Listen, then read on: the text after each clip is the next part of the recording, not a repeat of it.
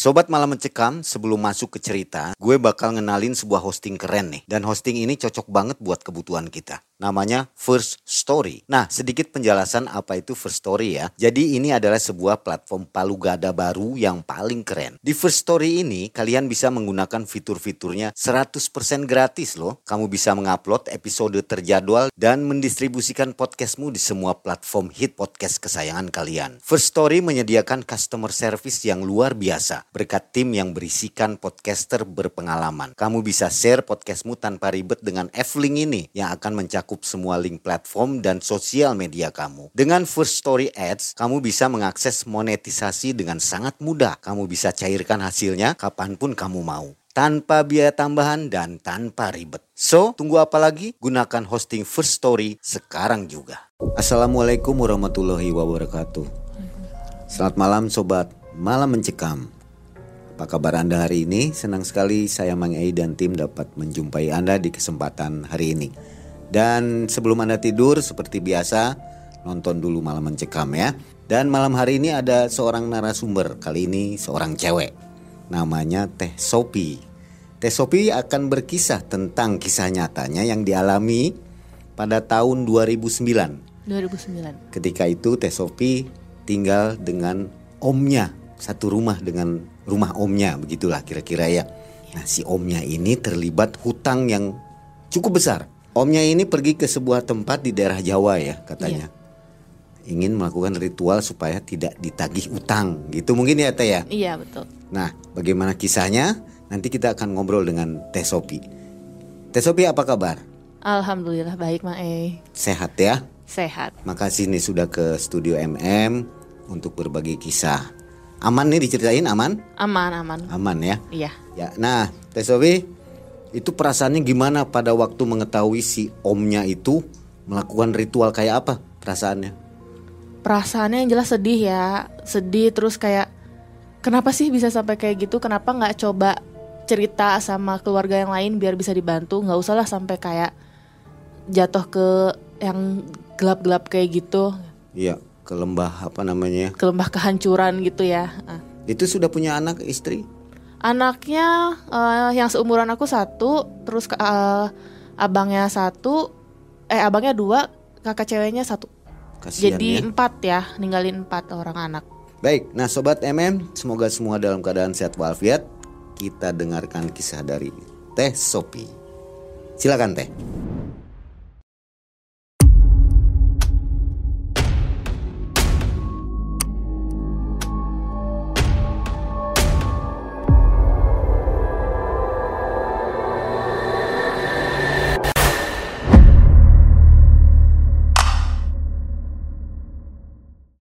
Sini namanya kita semuanya samarin ya, nggak ada nama asli. Cu- Cuman eh, aku juga udah bilang mau nyeritain nih kisah kamu buat jadi pelajaran eh, ke orang lain boleh nggak? Boleh, silakan ceritain aja. Udah izin dulu sebelumnya. Jadi itu tahun 2009. Saat itu aku masih tinggal sama saudara aku di daer- satu daerah di Bandung. Nah, di tahun 2009 itu eh, keluarganya om aku sebut aja Om Toto sama Bidina itu punya usaha elektronik yang saat itu bisa dibilang eh, cukup ini ya cukup rame ya toko elektroniknya kan saat itu belum belum banyak barang-barang yang BM yang gampang-gampang masuk. Nah saat itu pionirnya di Bandung itu keluarga mereka. Nah pas itu eh, dari 2000 usahanya itu dari 2008 tapi kejadian mulai turunnya itu tahun 2009 akhir pergantian ke 2010 di saat 2010 kan udah mulai banyak gempuran-gempuran dari toko-toko kecil atau kayak yang retail-retail kecil gitu. Nah, jadi eh, dari 2009 tuh dia makin turun, turun. Nah, si Om sama si Bidina ini udah kayak melakukan segala cara untuk menyelamatkan si usahanya ini. Kayak ngasih promo atau kayak buy one get one gitu. Cuman segala cara udah dilakuin, promo-promo segala macem udah dilakuin, tetap nggak bisa nolong. Akhirnya bangkrut lah si usahanya ini di tahun 2010 awal. Eh, awalnya sepupu gue ini yang namanya Kania, dia itu kayak ya udahlah ikhlas aja. Eh, mau gimana lagi segala macem cara udah kita coba Uh, yang penting keluarga kita baik-baik aja, keluarga kita utuh-utuh aja, nggak ada nggak ada sama sekali utang. Saat itu uh, aku sama Kania belum tahu Mang E uh, bahwa ternyata si om aku ini, om Toto ini ninggalin utang. Nah, kenapa akhirnya kita bisa tahu saat itu? Jadi kan masih tinggal di satu rumah ini kan. Nah, di satu rumah ini uh, pas uh, Bidina sama Om Toto ini keluar, ada orang yang ngetuk-ngetuk.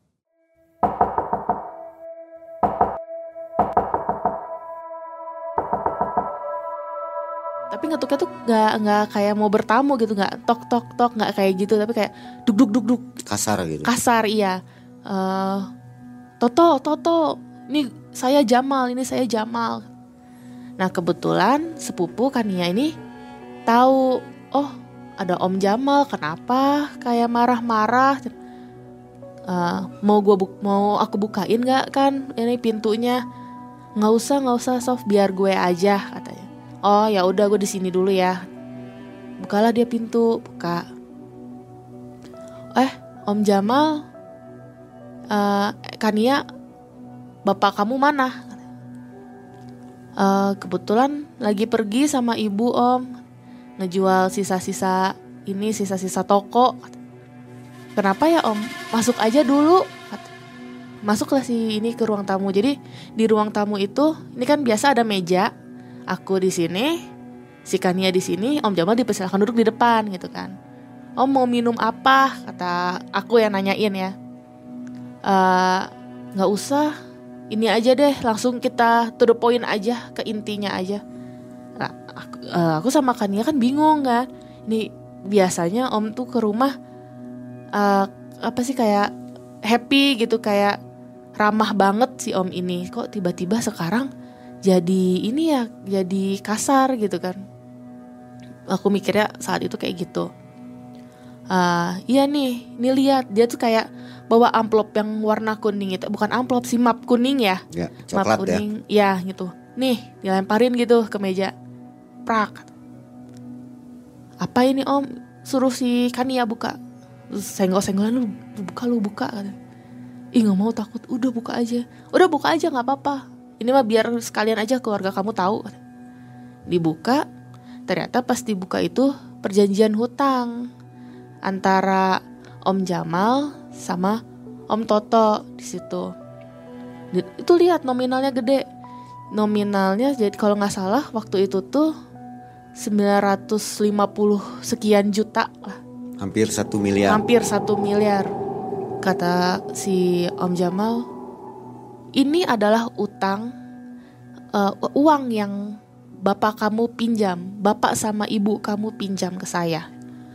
Uang buat apa om? untuk menyelamatkan bisnis kamu, kata Om Jamal tuh. Nah sekarang saya mau nagih, karena ini udah bapak kamu dihubungi, katanya nanti nanti lagi diusahakan nanti terus, sedangkan saya juga butuh katanya.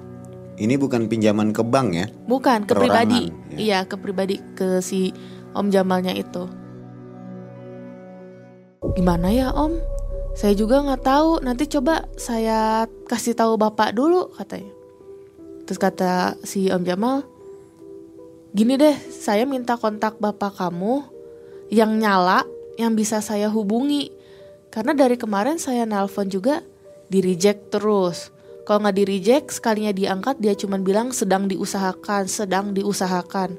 Saya capek kalau kayak gini sampai tadinya perjanjian antara saya sama bapak kamu, saya nggak akan ngasih tahu ngasih tahu keluarganya karena dia sama ibunya, ibu kamu minta tolong ke saya jangan sampai keluarganya tahu. Tapi kan kalau misalkan udah susah dihubungi, saya mau ke mana lagi selain ke rumahnya? Sampai yang sambil yang tetap marah-marah gitu kan. Ya om, nanti uh, saya minta bapak buat kontak om. Ya udah pokoknya saya titip pesan itu aja. Kamu jangan lupa nyampein ke bapak ya. Ya om kata. Akhirnya eh, nggak uh, lama si om Jamal ya pergi pulang di situ si Kania kan kayak ya namanya uh, orang tua bilang nggak punya utang tiba-tiba dikasih lihat utang gitu kan dia sampai yang Shock, gemeteran gitu kan shock gitu kan. Di situ uh, aku cuman kayak udah kan sabar dulu sabar. Mungkin bapak ibu nggak mau cerita tuh nggak mau bikin kamu khawatir nggak mau bikin abang sama mbak khawatir. Kan iya tapi kan ini ini tuh bikin aku kaget banget. Karena aku aku ngerasanya uh, keluarga aku tuh fine fine aja. Kita semua tuh kayak udah bisa ngeikhlasin lah uh, usaha kita tutup udah tenang walaupun tutup tapi nggak ada utang. Aku sebagai sepupunya cuman kayak ya udah sabar dulu sabar. Tunggu orang tua pulang. Nanti kasih tahu baik-baik ngobrol baik-baik. Tenang ada aku nemenin kamu di samping tok tok tok assalamualaikum. Dibukain lah sama Kak Fani. Kakak ketiganya. Kan mereka berempat bersaudara. Henry Heru Fani Sikania nah Waalaikumsalam pak. Kenapa Fani kok mukanya kayak gitu? Enggak nggak apa-apa. Udah masuk aja yuk katanya. Masuklah ibu sama bapaknya. Nah itu kan kalau masuk rumah itu ruang tamu sekat terus uh, ruang ruang TV ya. Ruang TV nah di ruang TV itu udah ngumpul. Ada semua anak-anaknya termasuk ada aku di situ. Terus uh, yang pertama ngobrol itu Bang Heru. Pak tadi pas uh, Kania sama Sofi lagi di rumah ada yang bertamu terus dia ngasihin ini pak sambil nyerahin amplop yang tadi. Bapak sama ibunya kaget kayak ini ini kan ini jadi udah pada udah pada tau lah kalau itu tuh adalah surat perjanjian hutang. Ini siapa yang ke sini? Skania langsung nggak bisa nahan amarahnya. Om Jamal pak. Kenapa sih bapak tuh nggak ngomong ke kita kita kalau ternyata bapak itu punya utang. Kenapa nggak terbuka sama kita sih pak? Jadi gini kata Om Toto mulai ngejelasin. Bapak itu nggak mau bikin kalian kepikiran. Bangkrutnya usaha kita itu kan udah cukup membuat kalian tertekan karena itu kan uh, satu-satunya sumber pemasukan kita. Walaupun Bang Heru sama Bang Hendri udah kerja, tapi kan toko itu yang bikin kalian sampai saat ini bisa hidup. Kan ya, ya lagi-lagi kan ya nggak bisa nahan emosi kayak Iya tapi kan nggak gitu pak sambil dia kayak ngegebrak meja apa meja kecil di depannya. Kan kalau udah kayak gini kan siapa juga yang kepikiran Kan kita-kita lagi tetap aja kita kepikiran. Kenapa nggak dari awal Bapak bilang ke kita? Ya Bapak juga maaf banget ke kalian Bapak nggak cerita. Bapak tuh uh, pengennya ini tuh ibu sama bapak yang selesaiin kalian nggak perlu tahu. Ternyata semua di luar dugaan bapak. Semua barang, sisa barang yang tadi bapak jual itu nilainya nggak sampai ada 100 juta. Saat itu tuh yang nanya kalau nggak salah Kavani si Kavani tuh ngomong jadi sekarang bapak sama ibu rencananya apa? Mau kayak gimana ngelunasin hutang-hutang ini? Bapak uh, ini sama ibu baru pulang dari tempat Om Beno. Om Beno tuh uh, rekan kerjanya si bapak. Jadi kayak penyandang dananya toko bapak gitu.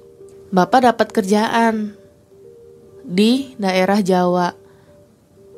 Uh, Om Beno ngajak Bapak nih buat kerja di sana.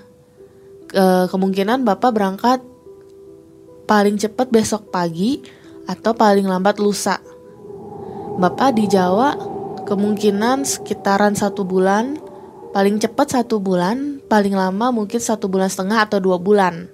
Menurut perkiraan Bapak sama Ibu, tadi ngobrol sama Om Beno bisa nutupin utang-utang ini.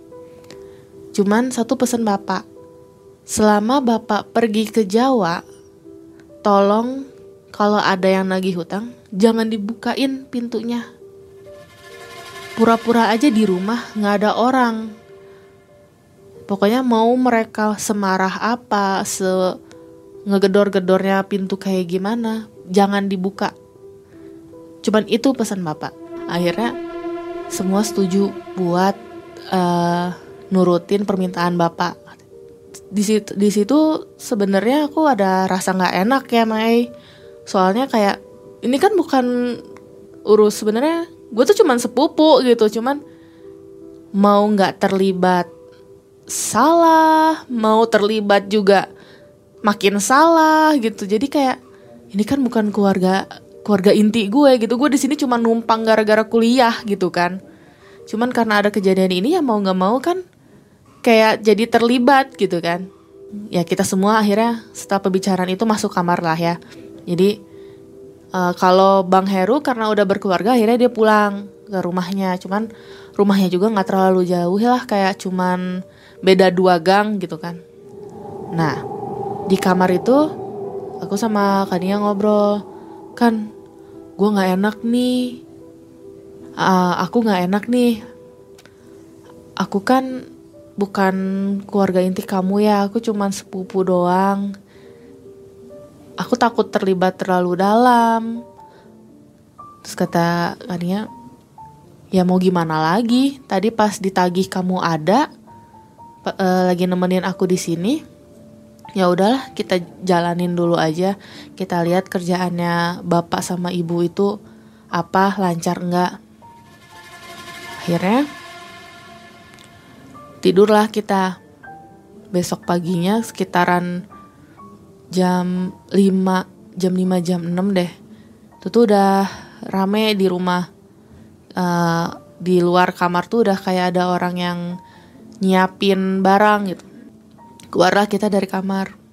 Situ ternyata si Kavani udah bangun. Bapak pergi dulu ya. Uh, bapak titip pesen. Fani Kania Sof, ingat yang kata bapak tadi, kalau ada yang tagi nagih hutang, jangan dibuka. Anggap aja di rumah nggak ada orang. Uh, di situ aku nanya, ini yang pergi Om Toto aja atau sama Bidina kata aku, kata aku teh. Om doang itu uh, udah dijemput sama Om Beno. Uh, ya udah, Bapak pamit dulu jangan lupa pesan bapak iya pak. Akhirnya ya kita salam gitu kan. Terus diantarlah si Om Toto keluar sama Bidina keluar. Setelah bapak pergi itu tuh uh, kita tetap aja ngelakuin kegiatan sehari-hari seperti biasa gitu ya. Uh, anehnya selama bapak pergi nih nggak ada sama sekali kabar dari bapak gitu apa bapak sampai atau bapak ke daerah mana. Nggak ada kabar tuh pertama nanya itu dua mingguan. Se selama dua minggu sebelumnya tuh kayak uh, kalau kata kata bidinanya mah ngabarin lewat bidinanya gitu. Jadi kayak ngabarin bapak di sini bapak di sini uh, eh bapak udah sampai tapi nggak bilang sampainya tuh sampai ke mana gitu kata Bidina teh. Jadi kayak cuman bapak udah sampai uh, ini lagi ada kerjaan bapak udah makan bapak udah ini. Tapi nggak nanyain gimana anak-anak gimana kegiatan di sana nggak ada nanyain kayak gitu. Nah besoknya berarti masuk minggu ketiga kepergian bapak mulai. Ada yang datang lagi yang pertama kan udah pasti sih Om Jamal yang pertama itu kan yang 900 sekian itu datang lagi. Sama ngegedor-gedor marah gitu kan. Di situ ada ibu, ada aku sama ada Kania. Tapi kita kayak matiin lampu, matiin lampu terus ngumpet gitu di belakang supaya dikiranya rumah tuh nggak ada orang gitu. Iya, sendal yang harusnya kan biasanya kalau di rumah tuh sendal kayak ya udah di luar gitu kan. Ini mah enggak jadi uh, kalau di rumah itu kan ada pagar yang kecil yang untuk orang jalan sama pagar buat mobil masuk kan. Nah, yang buat mobil itu digembok. Gemboknya bukan gembok yang dicantelin gitu doang, tapi di, di rantai, di rantai gitu. Jadi seolah-olah emang benar-benar nggak ada orang. Terus kayak uh, apa namanya itu gorden itu juga ditutup aja pagi siang malam itu semua ditutup gitu ditutup terus nggak boleh ada sendal terus uh, daun-daun yang sampah-sampah itu nggak ada nggak boleh disapu. Jadi kita juga kalau mau pergi misalkan kayak aku kuliah uh, Kania kuliah Kavani kerja segala macam dari pintu belakang. Iya. Jadi susu lumputan gitu. Nah uh, bapak juga minta tolong ke jadi sebelum pergi juga uh, eh setelah bapak pergi ibu minta tolong ke tetangga-tetangga jangan bilang kalau di rumah ada orang. Terus ada satu orang lagi nggak nggak kenal kayaknya itu orang lain nagih juga Pak Toto Pak Toto bayar utang kamu utang kamu di saya udah numpuk Pak Toto sambil ngegedor-gedor pintu gitu kan iya teriak-teriak Pak Toto, Pak Toto, bayar utang kamu sambil kayak ngegedor dor gitu pintu. Nah, itu dua. Yang ketiga, Om Budi. Si Om Budi itu juga temen rekanan bisnisnya si Om Toto. Nagih juga. Pak Toto buka, Budina buka. Saya mau nagih hutang kalian. Saya tahu di dalam rumah ada orang, buka sambil digedor-gedor. Yang keempat aku lagi nggak ada di rumah. Cuman pas aku pulang dari kampus, kan dia cerita tadi ada lagi yang nagih dong, orangnya beda lagi. Uh, aku nggak tahu itu siapa, nggak kenal, bukan rekanan bapak. Kayak sebelum Om Budi datang ada kan satu orang lagi, nah itu beda lagi, tapi bukan orang itu, orangnya beda lagi, nagih juga. Nah, setelah uh, tiga minggu bapak pergi berarti empat orang yang nagih jadi selama orang banyak orang yang nagih nih aku ngerasa kayak aduh gue kayaknya nggak nyaman ya di sini gitu kayak ada dilema nih antara mau tetap nemenin si Kania ini di sini atau udahlah gue mutusin kos aja gitu minta ke orang tua buat ngekos. Saat itu uh, orang tua aku juga belum tahu kalau ada masalah ini gitu. Akhirnya aku sempat ngobrol kan sama si Kania kan gua eh aku udah nggak nyaman nih di sini.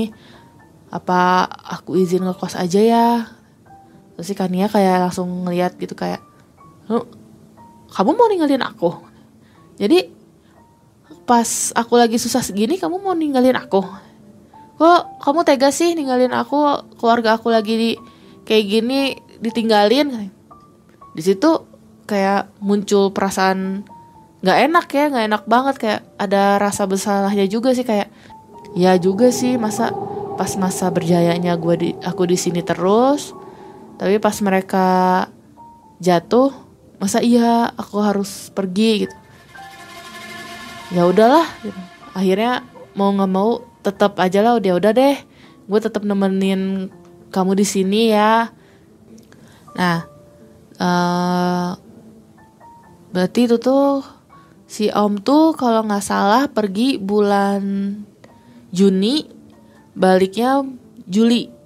Juli pertengahan, aku lupa tanggalnya tanggal berapa.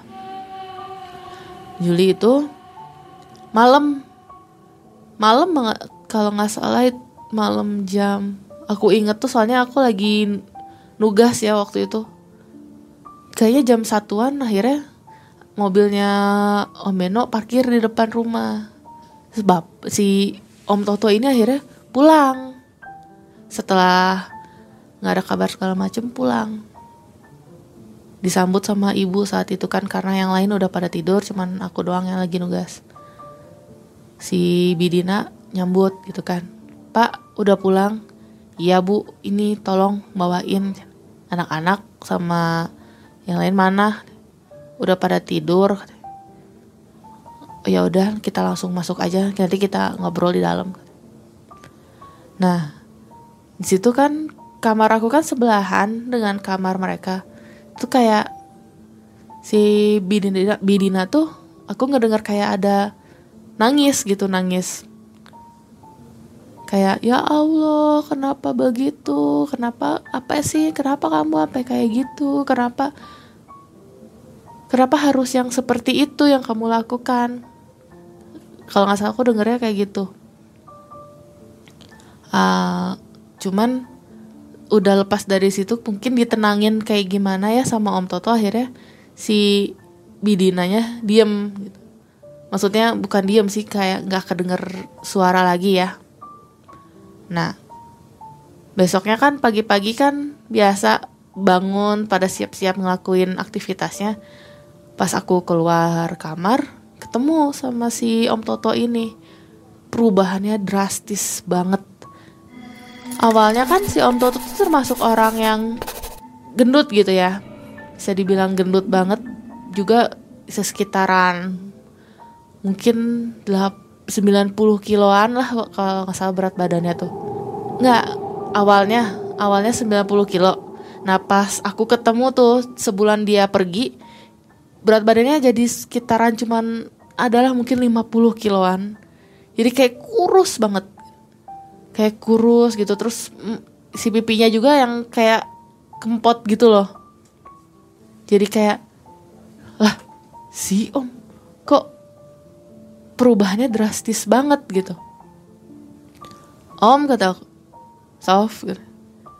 Nah anehnya lagi aku lihat tuh kayak matanya tuh kosong gitu kayak jalan juga kayak yang gimana sih kayak orang ngelamun tapi sambil jalan gitu uh, jalannya kayak orang linglung gitu ya. Nah, uh, si Kania juga nenggol aku. Kenapa? Aneh ya. tiba tiba-tiba bisa kurus banget kayak gitu padahal dulu mau nurunin berat badan aja susah.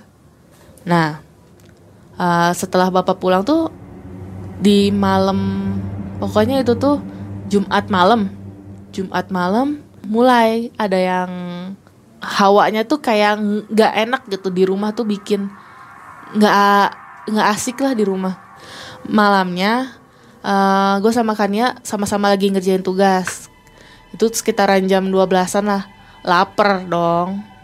Ke kan gue lapar. Aku lapar nih kita ke dapur yuk bikin indomie. Ayo deh aku juga rada lapar berdua lah kita ke dapur kan. Jadi kalau ini tuh ruang TV di sini kamar tiga berjejer di sini ada lorong ruang makan ngeleter gitu baru dapur. Dapur di sini WC kan. Dapur itu ada kaca kecil gitu kayak kaca nako gitu ya. Nah e, kompornya di depan si kaca itu. Dimasak terus pas di sini kan rak piring ya. Rak piring agak jauh dari kompor aku ngambil gini. Tuk diem nge-freeze bener-bener nge-freeze. Enggol. Kan kan kan. Dia tuh lagi nuangin bumbu. Oi apaan? Dia udah ngambil piring duluan kan. Ini itu itu di depan itu itu apaan? Apaan sih? Apaan? Si Kania ngeliat dia langsung nyenggol juga itu apaan? Itu apaan? Ya kan aku nanya itu apa? Jadi di kaca nako itu ada bisa dibilang kayak bola mata tapi bola mata tuh gede banget. Gede gedenya tuh gede banget. Jadi kayak apa sih yang buat tatakan gelas tuh? Pisin ya piring pisin itu segede gitu. Gede gitu kayak dia kayak lagi ngeliat gitu dari kaca nako ngeliatin tapi war nggak mata warna matanya tuh nggak kayak warna mata manusia. Warnanya tuh kayak merah gitu.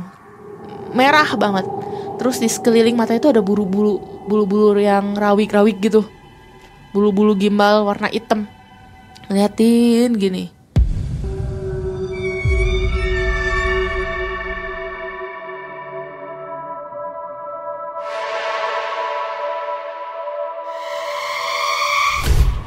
terus di situ kayak pegangan kan pegangan sama si Kania. Kan mundur yuk kan kita mundur aja yuk kan.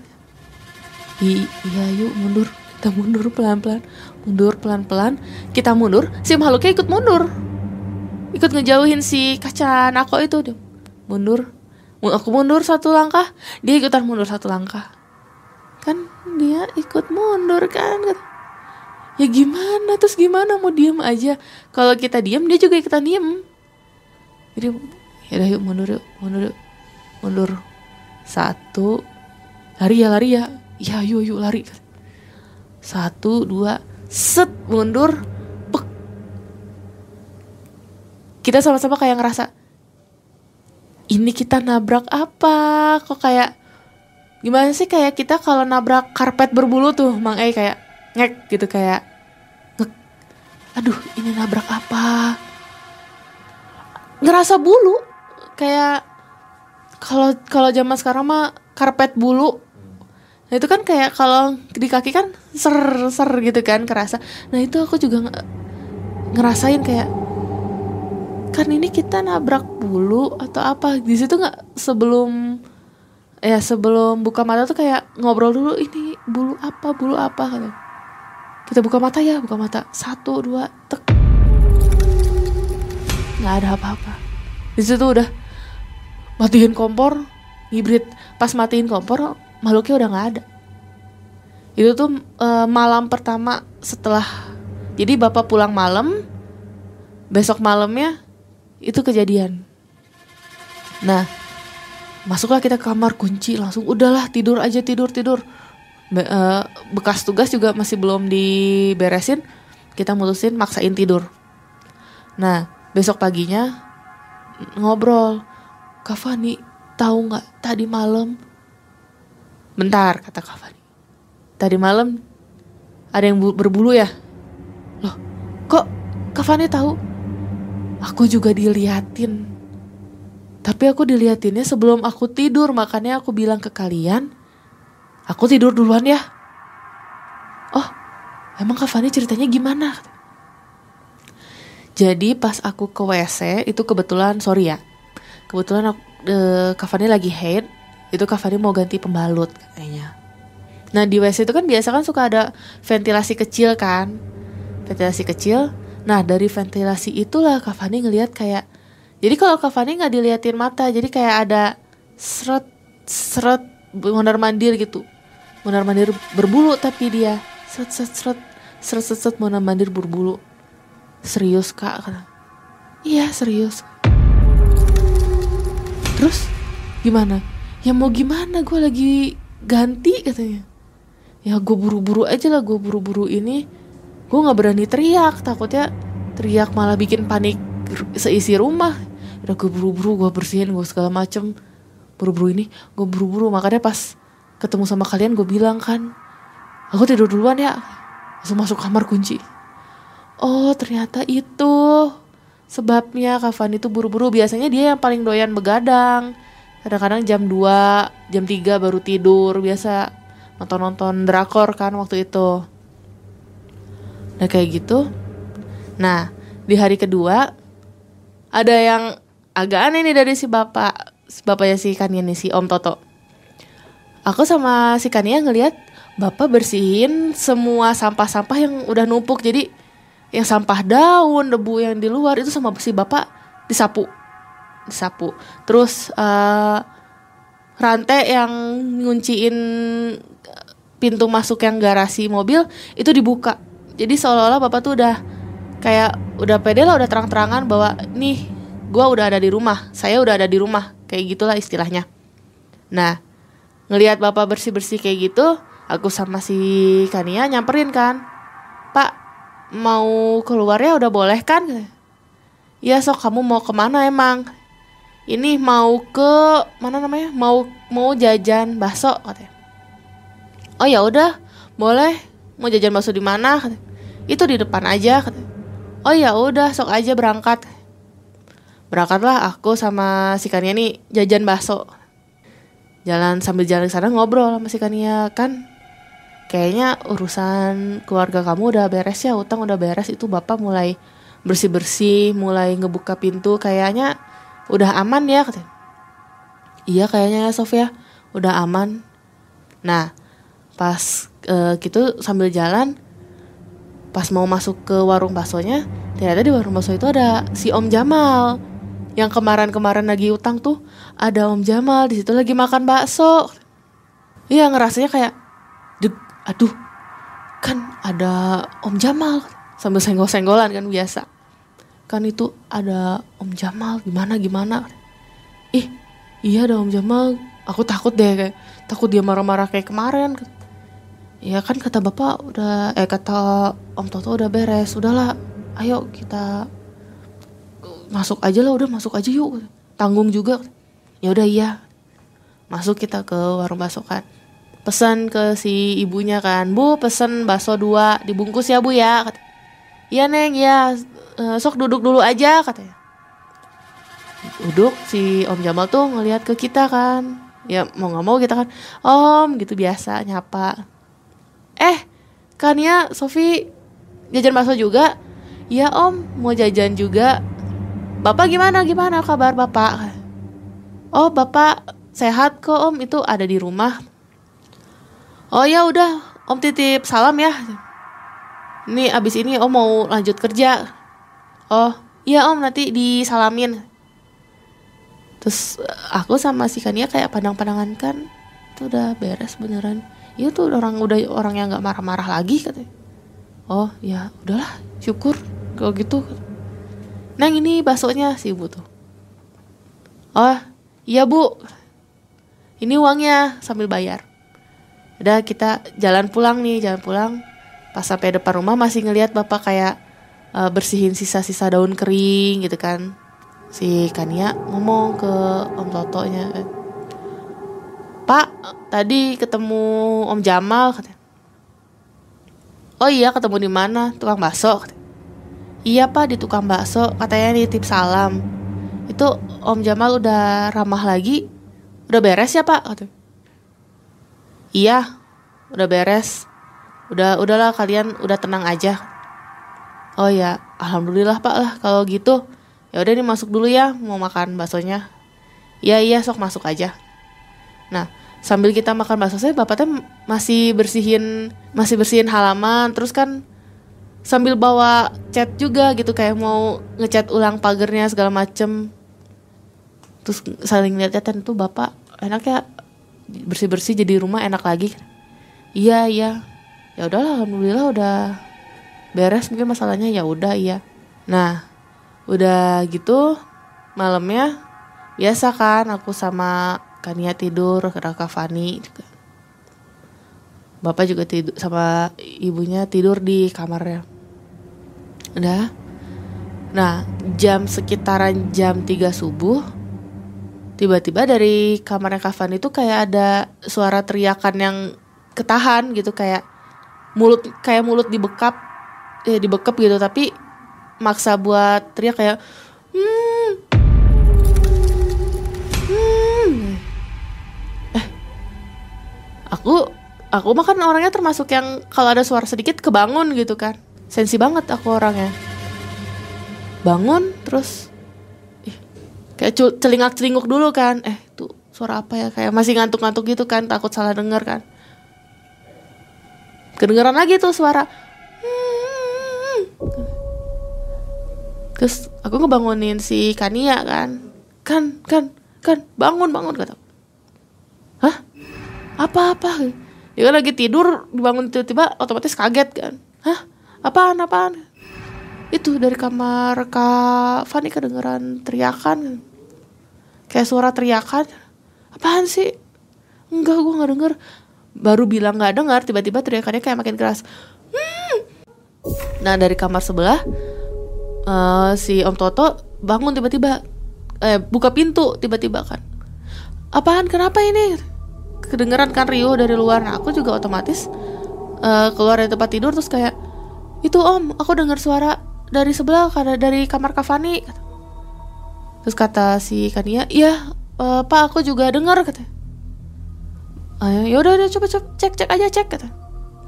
Pas dicek ya, untungnya pintu kamar Kavani nggak dikunci saat itu. Biasanya dia tidur dikunci terus dibuka brek. Di situ ngelihat kayak posisi Kavani tuh di ini kayak eh, rambutnya ditarik ke atas. Eh, ditarik gitu karena rambut dia kan panjang ditarik gitu. Tapi pas kita masuk tuh kayak rambutnya langsung diturunin seret kayak ya dilepasin kayak ada yang lepasin nah pas ditarik gitu dia si kafan itu kayak hmm, pas rambutnya diturunin kayak langsung teriakannya tuh langsung meledak gitu kayak wah tolong katanya langsung kayak gitu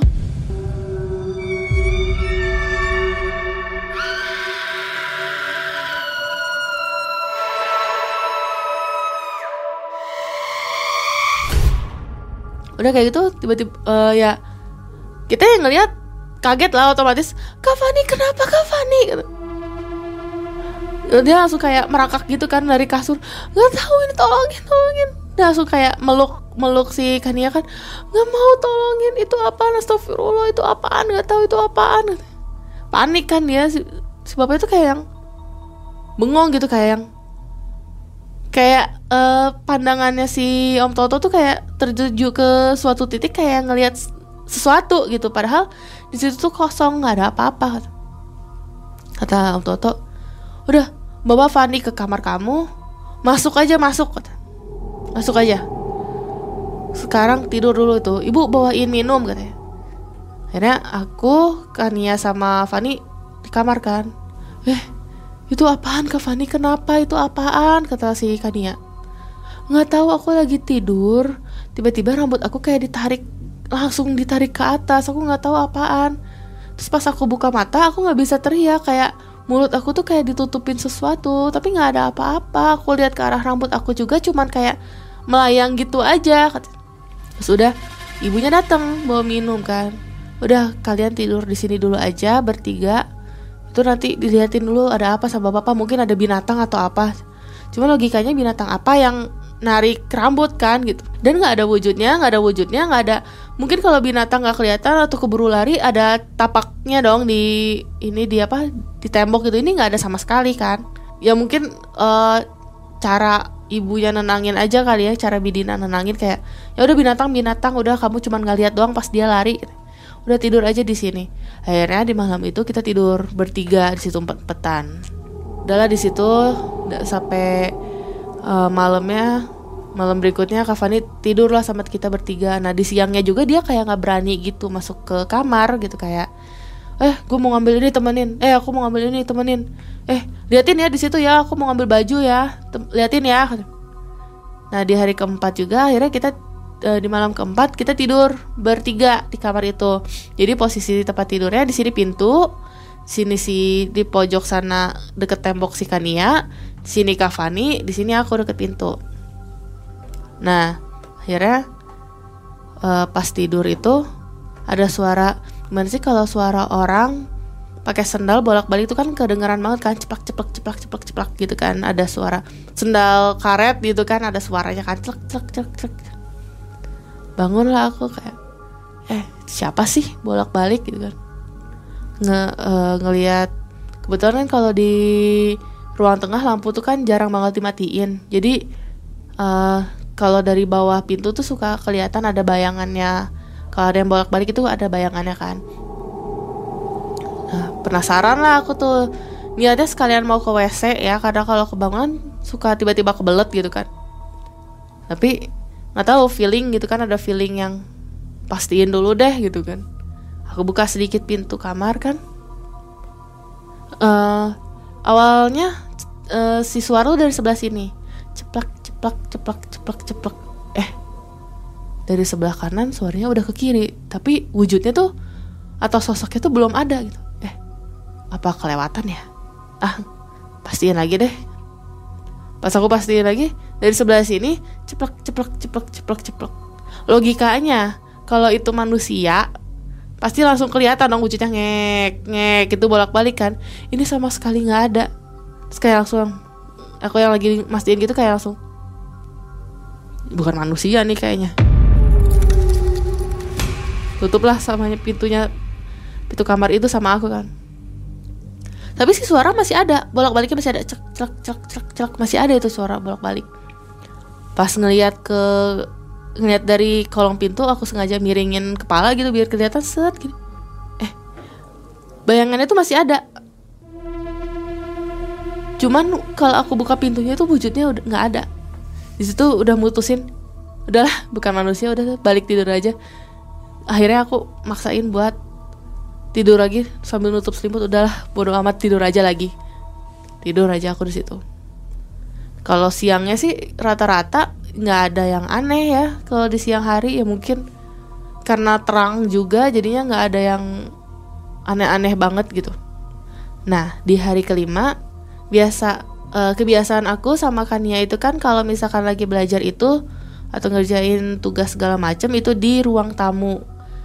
Uh, karena ruangan itu satu yang paling terang dan dua itu ada pintu yang langsung ke halaman. Jadi kalau dibuka itu ada angin seger gitu kan. Nah jadi saat itu cuaca lagi gerimis.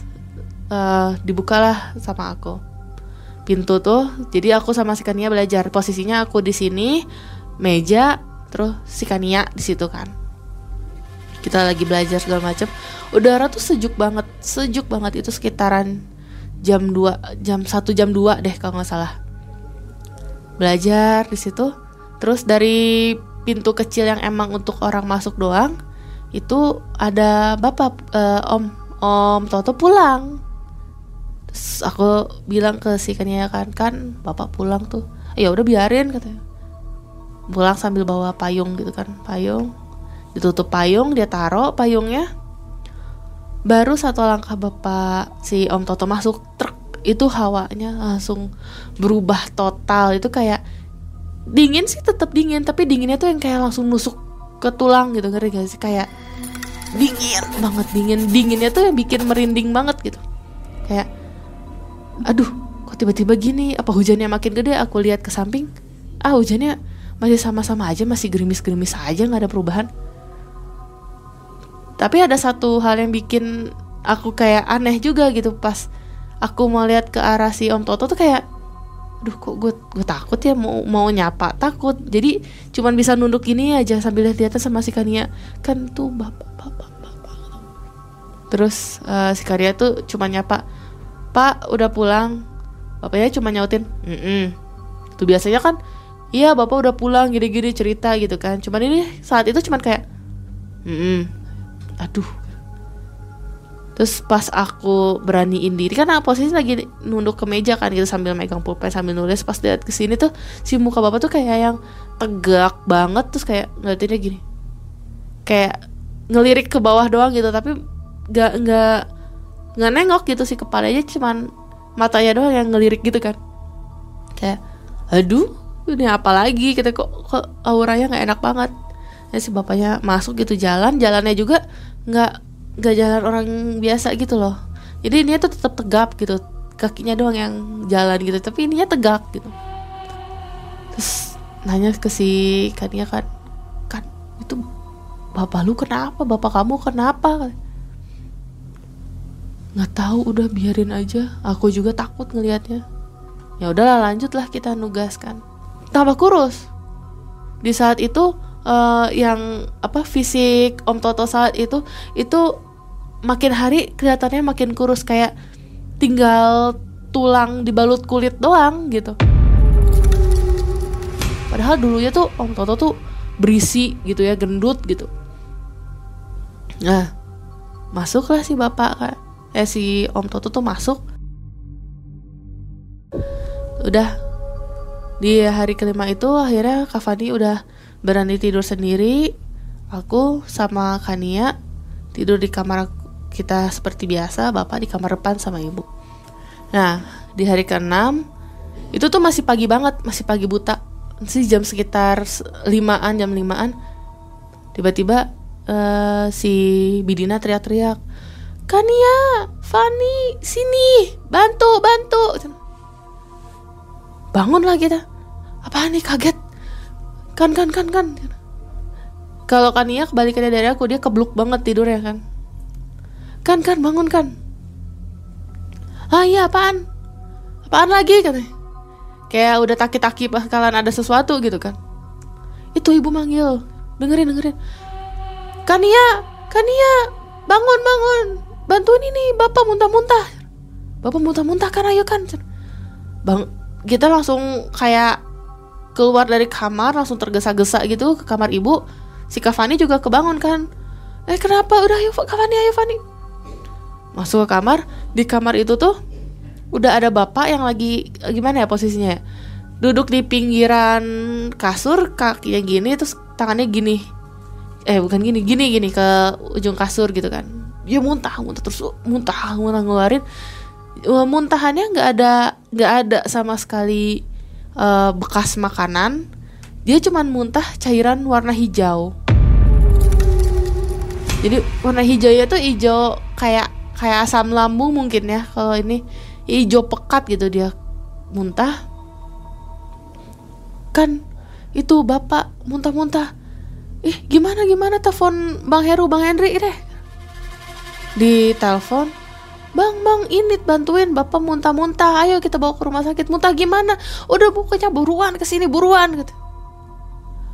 Uh, ya kan jarak rumahnya nggak terlalu jauh akhirnya bang Heru datang.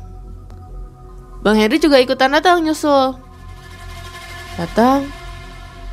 Tergesa-gesa ya otomatis tergesa-gesa dengar bapak sakit kan akhirnya pas dilihat itu bajunya bapak tuh udah bapaknya tuh udah ijo semua udah ah udah muntahan aja lah bekas muntahan semua. Dan itu baunya tuh bau banget kayak baunya tuh kayak bau bangke tapi nggak ada darah sama sekali nggak ada bekas makanan sama sekali. Jadi literally bener-bener bau i, uh, ijo tapi bau bangke gitu. Dibawalah ke uh, di apa sih kayak dibopong gitu kan sama bang Heru. Bang Henry dibawa bawa ke salah satu IGD yang deket situ kan. Dibawa ke IGD uh, sama dokternya kan keluarga disuruh ya maaf tolong tunggu dulu di luar tunggu di luar ya nanti kita kabarin ini bapaknya kita tanganin dulu biasa. Nah udah di IGD itu bapak masih muntah-muntah juga masih ngeluarin juga uh, muntahannya gitu kan. Akhirnya sama dokter entah di nggak tahu disuntik obat apa akhirnya si muntahannya tuh bisa berhentilah sementara. Nah udah udah berhenti uh, bapak tidur ternyata si om Toto tertidur kan. Diberi uh, dipanggil keluarganya bapak Toto katanya. Iya dok. Ini saya istrinya kata Bidina. Gimana dok? katanya. Ya bu ini bapak harus dirawat karena uh, lepas dari obat sedikit dia muntah. Dan muntahannya masih uh, muntahannya aneh sebenarnya uh, karena nggak ada sari-sari makanan yang keluar atau apa yang yang keluar gitu. Seharusnya kan kalau muntahan ada gumpalan-gumpalan makanan kecil ini nggak ada. Jadi benar-benar pure cuman cairan warna hijau aja bu katanya. Uh, jadi ini kami uh, kami sarankan untuk dirawat inap ya akhirnya iya dok saya setuju udah dirawat inap aja. Nah uh, akhirnya si Bidina ngurus segala macam kan ngurus administrasi untuk rawat inap segala macam aku sama si Kania pulang dulu nih untuk ambil uh, baju uh, punya Om Toto kan. Pulang ya cuman uh, kita packing se inilah sedapatnya aja baju segala macam baju si Bidina juga segala macam kita masukin Nah, pas aku sama Kania udah lagi packing-packing seadanya, tiba-tiba dapat telepon dari Bidina. Terus udah e, diangkat lah sama si Kania. Halo ibu kenapa? Bentar ya. Ini lagi ngambil bajunya. Itu tuh udah surat tangisan doang gitu kan. Kania kata, Kenapa bu? Kata. Ibu kenapa? Kata. Bapak, bapak udah nggak ada. Padahal itu nggak sampai nggak sampai setengah jam ditinggalin itu tiba-tiba kita dapat kabar kalau bapak udah meninggal. Kan itu benar-benar langsung ya benar ibu jangan bercanda. Posisi kayak gini jangan bercanda. Ibunya sambil setengah sedih setengah marah mana mungkin ibu bercanda? Udah langsung ke rumah sakit lagi aja langsung ke rumah sakit. Ayo kita nggak sempet bawa barang yang udah disiapin kan akhirnya akhirnya balik ke rumah sakit saat itu naik naik angkot saat itu balik ke rumah sakit ternyata benar. Belum sempet si Om Toto dipindahin ke kamar rawat inap. Masih di IGD itu udah ditutupin sama kain putih. Nah dokter tuh udah menyatakan bahwa bapak udah meninggal. Maaf ya uh, ibu. Uh, semuanya keluarganya bapak Toto. Bapak Toto tadi udah meninggal. Udah udah nggak ada respon dari semuanya. Jadi udah bapak udah meninggal udah di situ udah udah pecah lah tangisan segala macam udah udah nggak karuan lagi udah.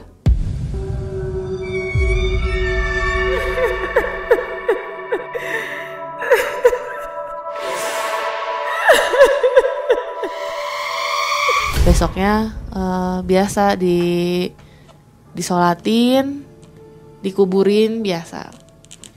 Hari pertama bapak meninggal nggak ada kejadian apa-apa nah tiba-tiba di hari kedua setelah bapak om Toto ini dikuburkan om Jamal om Budi sama dua orang lagi yang kita nggak tahu namanya itu datang ke rumah bawa surat dan nagih lagi.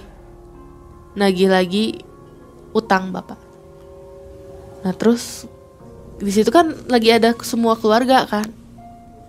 Akhirnya uh, di akhir-akhirnya akhirnya pada tahu kalau si Om Toto ini punya utang yang lumayan gede. Kalau digabung itu sekitaran mungkin ada 1,2 eman. Nah, akhirnya uh, karena rumahnya saat itu terletak masih ada di pusat kota gitu kan. Jadinya dijual lah rumah itu. Dijual dengan harga yang cukup untuk bayar utang dan cukup untuk mereka pindah ke rumah yang lebih kecil. Nah saat mereka mau pindah ke rumah kecil otomatis kan uh, aku nggak enak kan buat numpang lagi gitu kan. Akhirnya putuskan untuk ngekos. Nah, nah setelah kejadian itu dapat uh, eh, aku kan udah ngekos nih. Jadinya dapat cerita dari Kania bahwa semua utangnya sudah dibayarkan, semua udah bikin surat lunas. Akhirnya utang bapak uh, udah lunas katanya waktu itu cerita itu tuh lunas itu pokoknya sekitar sat, uh, nggak tiga bulan setelah bapak meninggal utangnya lunas. Nah udah kayak gitu akhirnya enam bulan kemudian enam bulan setelah meninggalnya bapak si Kania nelpon kalau dia mau ngajak liburan katanya ke uh, ke pantai katanya waktu itu bilangnya ke pantai. Emang mau kapan ya kan kita lagi bentar lagi libur semester udah ikut aja lah liburan. Uh, aku sama keluarga aku juga butuh refreshing besoknya eh nggak dua hari setelahnya kita berangkat nih. Naik uh, mobil pakai pemandu wisata juga ke daerah adalah daerah di Pangandaran. Tapi masih Pangandaran coret sebelah sananya dikit lah. Nah di situ ada kayak uh, wisata gua. Wisata gua di daerah Pangandaran itu nggak tahu ya sekarang masih rame atau enggak cuman dulu sempet rame banget. Uh, kita masuk ke situ. Jadi guanya itu kalau di mulut guanya itu dia masih terang tapi ke sana sananya kan agak gelap kan. Nah pas kita masuk ke mulut guanya masih kayak ih indah banget ya banyak ini banyak cahaya-cahaya yang masuk ke dalam gua. Masuklah kita ke salah satu bagian jadi ada terumbu karang yang agak gede. Nah terus sebelah sananya lagi ada satu spot yang kecahaya kecahayain sama sinar matahari. Jadi uh, kayak lampu sorot gitu loh yang ngespot gitu. Pas kita jalan ke sana si Kania tiba-tiba histeris. Ibu ibu itu ada bapak itu bapak lihat ibu bapak si Bidina kan langsung otomatis ngedeketin si Kania kan. Astagfirullah bapak bapak itu bapak jadi di situ di dalam gua itu mereka melihat sosok yang menyerupai bapak itu dia terkubur badannya terkubur setengah gini terkubur setengah tangannya tuh kayak dirantai ke atas gitu melayang gitu dirantai. Rantai aku di situ kayak ikut nggak nggak ngelihat jelas tapi kayak ngelihat sama-sama ada siluet kayak badan orang digituin aja gitu. cuman nggak nggak ngelihat jelas apakah itu om Toto atau bukan. Bu itu bapak bu itu bapak katakan sama pemandu wisatanya pemandu wisatanya nggak bisa ngelihat apa-apa. Nggak ada apa-apa deh nggak ada apa-apa. Awas itu jurang itu takutnya ada jurang. Udah ayo sini sini. Ditarik lah sama si bang Heru bang Henry juga. Bukan itu bukan bapak udah itu ilusi ilusi. Ilusi terus si sosok yang menyerupai bapak itu kayak cuma ngeliat gitu ke mereka. Terus ngegeleng-geleng kayak kayak ngasih apa ngasih kode pak jangan ke sini jangan ke sini kayak gitu. Akhirnya dibawalah keluar. Udah kan di situ suasana jadi chaos kan jadi kacau lah gitu. Akhirnya dibawa oleh pemandu wisatanya keluar terus kayak udah eh, si Kania tuh udah nangis nangis kan udah nangis. Udah aku nggak mau aku nggak mau aku mau pulang aku mau pulang aja. Aku nggak sanggup ngeliat kayak gitu nggak bisa.